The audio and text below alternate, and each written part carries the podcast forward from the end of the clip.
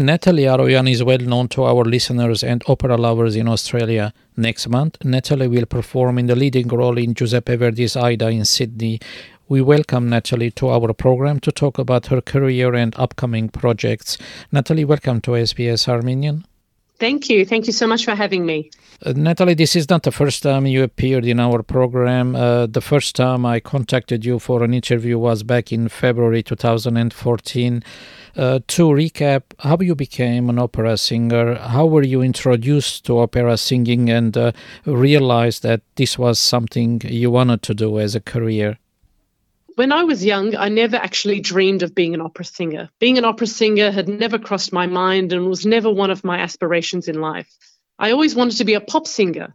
When I was young, I used to sing in a band, I used to do a lot of karaoke competitions, and I told my parents, this is what I want to do with my life. And they said to me, okay, go to university first, and if you still want to be a pop singer, we'll be behind you 100%. So I went to university, I did a double degree in business and IT, and I said, I still want to be a, a pop singer. And at that time, a very famous Armenian mezzo soprano opera singer came to Australia from Hayastan. Her name was Lilian Ofjan. And my parents made me go to her concert. I, I, didn't have much of an interest, but you know, we love to support our Armenians that come and in the arts, so I was more than willing to go. And as soon as she opened her mouth and this sound came out of her body without a microphone, I said, she has to teach me how to do that, and I'll be the best pop singer ever. See, I still wanted to be a pop singer. So we met with Lilian, and I sang some gospel music for her. And she stopped me and she said, You're not meant to be a pop singer.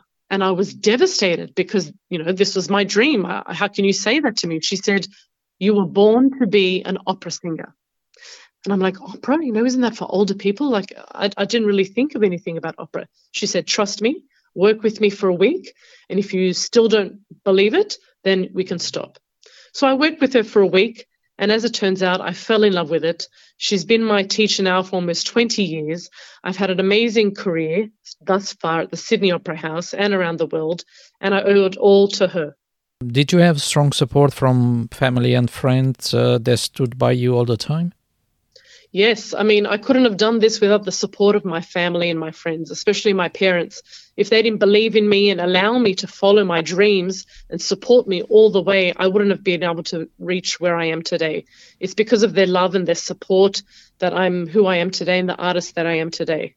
Especially also, I have to give thanks to my Armenian community as well, because they also provided such a great stage experience for me. Every opportunity I had for performing started at a young age, either at church, at the Armenian Evangelical Church, or at AGBU, you know, uh, school functions, and any Armenian events. I was always encouraged, always given uh, the opportunity to perform in front of a live audience. And I think that has a lot to do with my stage presence that I have at the moment. Uh, Natalie, what were uh, the highlights of your career with Opera Australia, uh, the turning points that launched your career? I think one of the greatest moments in my career was the point where I was only covering an opera. Usually, in the beginning of my career, I'm the cover. I'm either the cover or the, the third cast. And in this case, I was covering the main soprano of a big Verdi opera called Simon Boccanegra. And as it turns out, the soprano became ill, and I had to go on for opening night. And so I went on, and it was a huge success. And I did the rest of the season. And that's what catapulted me as a Verdi soprano in Australia. Has anyone mentored you in your journey to become an opera singer? Well, besides my teacher, Lilian Ofjan, as I mentioned before, also my artistic director, Lyndon Terracini, who was the person to give me my first role, my dream role at the time, which was Mimi in La Boheme. And he molded my career and shaped every role that I did. He never gave me anything that was too big too soon. And he always knew exactly what kind of repertoire I should be singing for that point in my development, in that point in my career. Natalie, how difficult it is uh, for an aspiring opera singer until uh, he or she accomplishes fame and uh, really enjoys singing? I think just like every career or every uh, aspiration in life, everything that's worth doing is going to be difficult. Otherwise, everybody would do it. And with opera, it's exactly the same. There's a lot of sacrifices you have to make. There's a lot of highs and lows that we go through, but it's about the patience and the perseverance that it takes to follow through to the end of the career.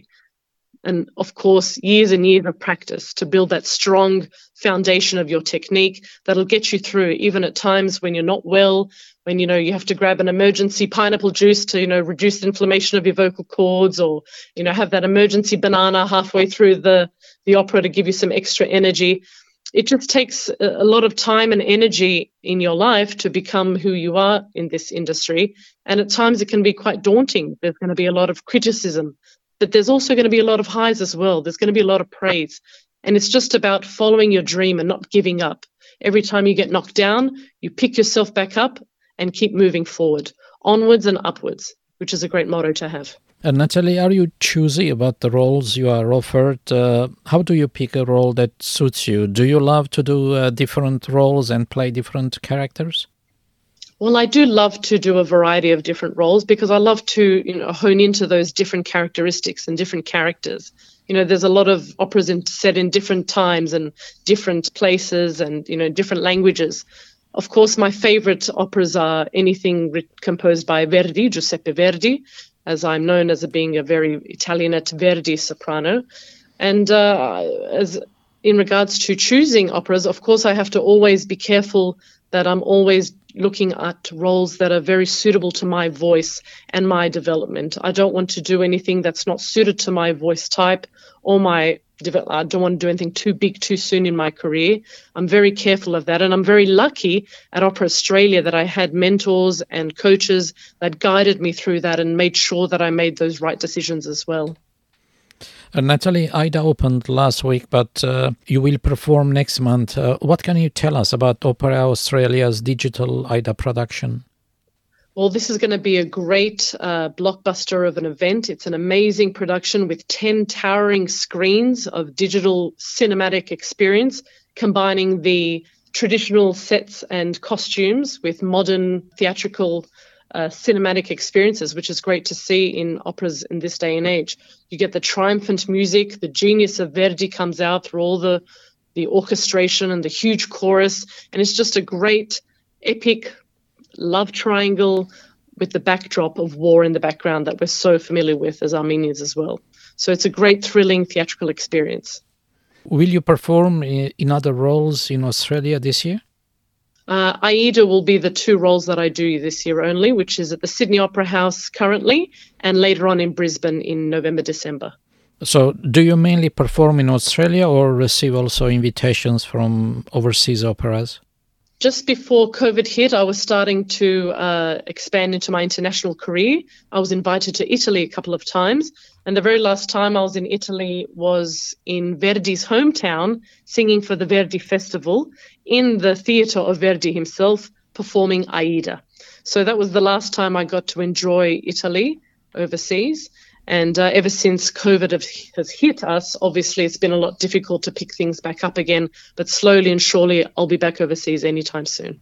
Uh, do you have favorite Armenian composers or sopranos?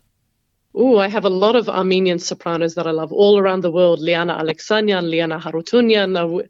There's a lot of uh, Armenian talent out there, especially coming from Hayastan. And we've just all been spread out all around the world in Italy, in Germany, in America, all sorts of places. And it's just so amazing to see that when two of us ever meet anywhere in the world, we really do create a new Armenia. It's just very uh, familiar and you become like family straight away. It's just been such a great experience so far. Natalie, thank you for your time and the interview. Wish you all the best in your career.